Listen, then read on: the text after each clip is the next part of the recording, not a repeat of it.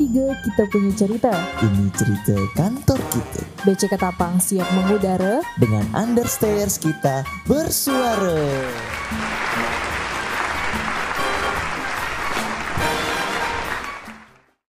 Siap. Oke. Assalamualaikum warahmatullahi wabarakatuh. Waalaikumsalam warahmatullahi wabarakatuh. Salam sejahtera untuk kita semua. Om Swastiastu, Namo Buddhaya, salam kebajikan. Ya. Oke, podcast kali ini kita kedatangan tamu, saudara-saudara. kedatangan saudara-saudara, kawan-kawan kita semua. Kasupsi PL yang baru. Silahkan memperkenalkan diri. Perkenalkan, saya Dimas Teguh Pratama. sekarang menjadi Kasubsi Penyuluhan dan Layanan Informasi KPPBC TNPC Ketapang. Oh, iya. Eh, perkenalkan ya, perkenalan dulu nih artinya. mm, mm, mm. Saya sudah bertugas di Bea Cukai sekitar 2006. Wah, 2006 Dari awal Iya, pengangkatan 2006. 2006 2006 sampai 14 sekarang tahun. 2020 mungkin sekitar 14 tahun. 14 ya. tahun, iya. Sudah berbagai uh, daerah, berbagai kota. Sebelumnya di Pontianak. Wah, Sekarang dekat. promosi pertama kali ini saya ke Ketapang. Oke. Wah, berbeda jauh sekali. Ya, udah saya berapa tahun? saya baru mau jalan tiga tahun, tapi muda bapak kelihatannya. Saya ya ya boros. Makanya sengaja ditungguin biar agak dewasa gitu. Iya iya iya iya iya iya. Bagaimana bapak kesan pertama kali ke Ketapang kan kemarin di Pontianak sebelumnya Jakarta ya. ya, sebelumnya gitu. Mm, mm, tapi sebelumnya Tanjung Priok ke Pontianak terus sekarang di Ketapang. Gimana kesannya nih pak? Uh, pertama kali saya alhamdulillah bersyukur ya kan uh, Ketapang ini kota yang nggak besar tapi alhamdulillah lah kebutuhan hidup ada terus di sini teman-temannya asik-asik semua Uh, saya juga punya teman-teman kayak Tio. Fian, Wah. terus kemarin Dwi sama Farah yang pokoknya jos banget jadi kita akhirnya program ini bisa uh, terjadi, Alhamdulillah, ya, gitu ya. alhamdulillah terjadi. Hmm. Tapi kesan saya pertama masuk ke Tapang panas pak. Iya, panas itu relatif. Oh ya panas relatif iya iya. Iya iya iya iya pak. Hmm. Jadi selama 14 tahun berkecimpung di dunia perbea cukaian, dunia perbea cukaian. di dunia perbea. Pengalaman paling wah apa menurut bapak yang pernah bapak alamin? Pengalaman paling wah ya. Mm-mm. Pengalaman paling wah sebenarnya semua tempat itu pasti punya pengalaman sendiri-sendiri. ya. Mm-mm. Cuman ya yang paling wah bagi saya pribadi karena memang asalnya dari kota Pontianak ya. Mm-mm. Ya pasti kota Pontianak itulah bagi Selaku home base, iya iya nyaman. paling berkesan. nyaman ya. home base Tapi Hmm, bekerja di home base tuh memang nyaman Tapi percayalah semua tempat itu oh iya siap siap siap siap Jadi paling wah ya banyak pengalaman yang Hmm. saya dapat di situ gitu Hmm. kan. Saya pemeriksa barangnya waktu itu di Pontianak juga. Jadi Mm-mm. pengalaman-pengalaman di dunia perbea cukai itu agak lebih kompleks lah gitu ya. Hmm. Jadi eh, tapi ya itulah dimulai dari situ. Nah. Setelah itu ya nikmat lah Hmm. Ya kan otomatis selama bapak bekerja ini selalu bersinggungan dengan masyarakat ataupun selaku stakeholder ada nggak sih apa namanya pengalaman bapak yang bersinggungan langsung secara stake ber- bersama stakeholder tuh ya stakeholdernya gini kah ada komplain kah dari stakeholder ke bapak sesuai dengan pembahasan kita Iya, ini. heeh. Oke, jadi eh, yang namanya keluhan atau aduan itu selalu ada aja sebenarnya Ah, karena kita memberikan pelayanan kan nggak nggak bisa sempurna meskipun kita sama-sama pengen menuju eh, pelayanan yang Ah, yang makin baik ya. ah, Tapi sempurna pasti akan ada masing-masing orang punya pandangan masing-masing. Terkait misalnya saya cerita misalnya di bandara gitu ya. Bandara itu kan eh, pelayanan kita itu eh, apa, sibuk sangat sibuk. sibuk Waktu penumpang banyak yang harus kita tertibkan di situ Mm-mm. dan kita harus juga melakukan pengawasan jangan sampai ada eh, hal-hal yang nggak diinginkan lah gitu Mm-mm. apa gitu kan. Jadi terkadang kita harus mengambil tindakan tegas terhadap Mm-mm. penumpang. Iya. Um, harus sesuai SOP kita lah. Dia harus begini, begini antriannya harus rapi apa. Mm-mm. Nah, terkadang ada aja gitu. Eh, tindakan tegas kita itu eh, disalahartikan. Ya, bagi masyarakat, eh, bagi mm. masyarakat itu kan menganggap eh, oh ini petugasnya kasar atau petugasnya tidak sopan ya seperti itu. Mm-mm. tapi ya kita terima kita evaluasi eh, itu jadi pelajaran bagi kita semoga ke depannya kita lebih baik. Bagaimana cara menghadapi apalagi kalau kan sekarang udah zamannya sosial media udah zamannya kayak sekali wah ditemukan. langsung habis kita kayak gini nanti case-nya berbeda nanti nanti pandangan masyarakat ini oh, kita wah bea cukai gini gini gini gini gini tapi kan. yakinlah iya. selama niat kita baik Iya. dalam menjalankan tugas negara terus kita sesuai dengan SOP kita menjalankan sesuai dengan prosedur Nah, apa namanya pro- pro- prosedur pemeriksaan itu bagaimana gini gini. Iya. jadi aman lah sesuai dengan kalau dengan undang-undang am- aman ya jadi perlu nggak sih saluran pengaduan itu dari masyarakat buat kita ke instansi kita di bea cukai perlu nggak sih pak Hmm, ya. Yang perlu dipahami lebih dahulu ini ya. Jadi Bea Cukai ini kan institusi yang eh, melakukan pelayanan kepada masyarakat. iya Dalam melakukan pelayanan ini tentunya tidak terlepas dari kesalahan, Mm-mm. nah, kekurangan bahkan dimungkinkan adanya kecurangan. Kita iya tidak iya menutup eh, Iya, kemungkinan pasti ada aja gitu ya. Nah, memang saluran pengaduan ini diperlukan untuk menampung keluhan dan saran dari masyarakat selaku pengguna jasa layanan yang diberikan oleh Bea Cukai. Memang diperlukan jawabannya. iya jadi ya salah. Kalau misalnya saya pribadi kalau saya mengadu ke Tuhan yang Maha Esa pak. Ya, itu yang utama. ya itu yang utama. Semuanya kita harus mengadu ke Tuhan yang Maha Esa. Bagaimanapun apa pun itu masalahnya kita mengadu ke Tuhan yang Maha Esa. Tapi kalau masalah finansial saya mengadunya ke bendahara Pak. ya, itu penting pak. Kalau saya ke istri saya oh iya iya iya iya. Bendahara negara itu. Oke, jadi artinya di bea cukai ini sudah terdapat mekanisme tentang sarana pengaduan. Yang apa arti penting penanganan pengaduan sendiri bagi kita? Apa namanya selaku institusi Direktorat Bea dan Cukai itu bagaimana, Pak? Pengaduan itu adalah bagian dari kehidupan. Mm-mm, betul. Jadi khususnya dalam proses pelayanan pasti akan selalu ada. Sebuah eh, sebagai sebuah institusi yang bertujuan membuat tata kelola organisasi menjadi lebih baik, Mm-mm. Tentu saran dan kritik dari pihak eksternal sangat diperlukan dalam rangka proses pengembangan dan perbaikan. Pengaduan apa pun bentuknya bisa dijadikan alat untuk memicu perbaikan tersebut. Iya. Lebih jauh lagi, penanganan pengaduan yang baik bisa membuat kepercayaan publik itu semakin besar. Jadi stakeholder publik itu kepada institusi Bea Cukai ini makin besar. Kalau misalnya kita menangani uh, pengaduan itu dengan baik pula. gitu. Mm, kalau misalnya apa zaman eh, bahasa kekinian tuh pengaduan tuh sambat. Eh, sambat ya kan biasanya ya kan eh, yang generasi-generasi kayak saya ini udah ya isinya ya sambat dikit-dikit sambat pagi-pagi udah sambat ini gini sambat ya dimaklumi saja lah Pak. Jadi pengaduan itu emang sangat melekat di ke kehidupan kita. Ya memang penting sekali Bea Cukai ini uh, di mana tempat eh, sebagai penerima pengaduan itu juga uh, apa ya uh, menerima dan merespon pengaduan itu dengan benar. gitu. Jadi uh, tidak hanya oh dibuka tempat mengadu tapi tidak digubris atau tidak dilaksanakan evaluasi dan yang lain-lain itu. Jadi dengan kita eh, menerima pengaduan dengan baik, mengelola pengaduan dengan baik, jadi eh, yang mengadu si pengadu ini pun percaya gitu bahwa pengaduannya akan sampai tepat sasaran. Oh iya pak, benar benar juga. Terus kemudian yang diadukan tuh apa pak? Apa yang bisa diadukan ke kita di instansi bea cukai itu apa yang bisa diadukan? Terus batasan-batasannya ada nggak sih kalau misalnya kita mau mengadu tuh apa? Sebenarnya ya, sebenarnya itu semuanya, semuanya itu bisa bisa aja diadukan gitu. Jadi eh, cuman kita kadang bagi jadi dua diklasifikasikan jadi dua lah gitu ya. Iya. Apakah itu mengenai eh, penyalahgunaan wewenang atau apa nih tadi? Yang bukan masalah penyalahgunaan wewenang apa? Iya itu. Ya, atau pelanggaran disiplin. Mm-mm. Ada juga yang uh, tidak terkait dengan seperti uh, tupoksi pekerjaan kita. Nah, bisa aja uh, berupa ketidakpuasan terhadap kinerja pelayanan, bahkan bisa juga hal-hal yang terjadi di luar kedinasan. Oh, kalau misalnya saya mau minta jodoh pegawai bea dan cukai bisa nggak sih? bisa mungkin ya.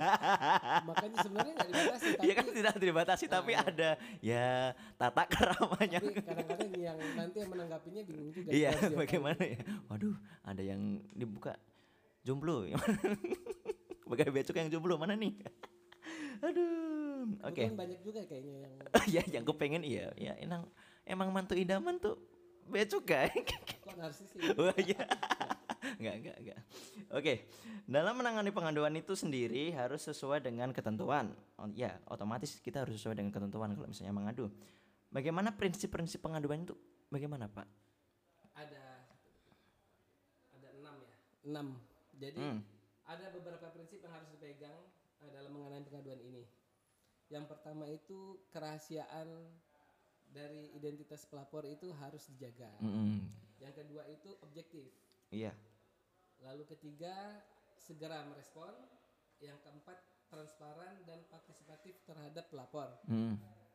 yang kelima itu fair dan proporsional Mm-mm. yang keenam selektif dalam menindaklanjuti pengaduan ke investigasi jadi ada ada yang kita tindak lanjuti kepada investigasi ada yang memang uh, pengaduan itu bisa ditampung sampai di situ aja gitu. Jadi kalau misalnya ada yang emang case-nya harus didalemi, Ya, ya itu kita perlu investigasi gitu. ya. skala oh ini sering sekali terjadi pengaduan tentang hal ini apa itu memang harus kita Investigasi. investigasi lebih dalam itu untuk supaya melakukan perbaikan lah gitu jadi Oh, siap, siap, siap, siap, siap, siap, siap, siap. Oke nih Dan, ada nggak sih saluran yang menampung pengaduan dari masyarakat terkait kinerja di bea cukai ini dan buat misalnya masyarakat tuh mau mengadu tentang kinerja bea cukai itu gini gini gini gini ke mana mereka mau mengadu tuh ke mana tuh Dan? Ada yo. Jadi ah, di internal Bea Cukai ini sebenarnya kita udah punya aplikasi. Kita memperkenalkan sama masyarakat. Mm-mm. Ah, kita sudah punya namanya Si Puma. Si Puma, Ya, Si Puma aplikasi Si Puma. sistem. Si Puma itu kepanjangannya si sistem pengaduan masyarakat. Oh iya, iya, Ya, siap, gitu. siap. Jadi melalui aplikasi inilah ah, agar namanya pengaduan itu lebih bisa terkoordinir atau Mm. eh, jangka waktunya responnya bisa lebih cepat gitu, di situ kita. Nah, aplikasi si Puma ini sendiri itu terintegrasi uh, dengan uh, sistem pengaduan yang uh, sistem pengaduan masyarakat yang ada di Kementerian Keuangan Oh, namanya alah. WISE ya. Wise, Ya, whistleblowing system namanya gitu. Jadi whistleblowing system. ya, susah kan bahasa Ya, bahasa Inggris ya gitu. bahasa bahasa barat nih. terintegrasi si Puma Iya. dan WISE ini terintegrasi sehingga uh, bisa dipantau lah dari kementerian gitu tentang Mhm, mhm. aduan-aduan masyarakat yang ada di Bea Cukai. Wah, jadi gitu. Oke dan tadi kita membahas terkait waktunya, waktu penyelesaian case atau masalah pengaduan ini. Ada nggak sih target atau norma waktu penyelesaian suatu case ini? Ada nggak sih di instansi kita? Kalau untuk waktu ya, Yo, ya.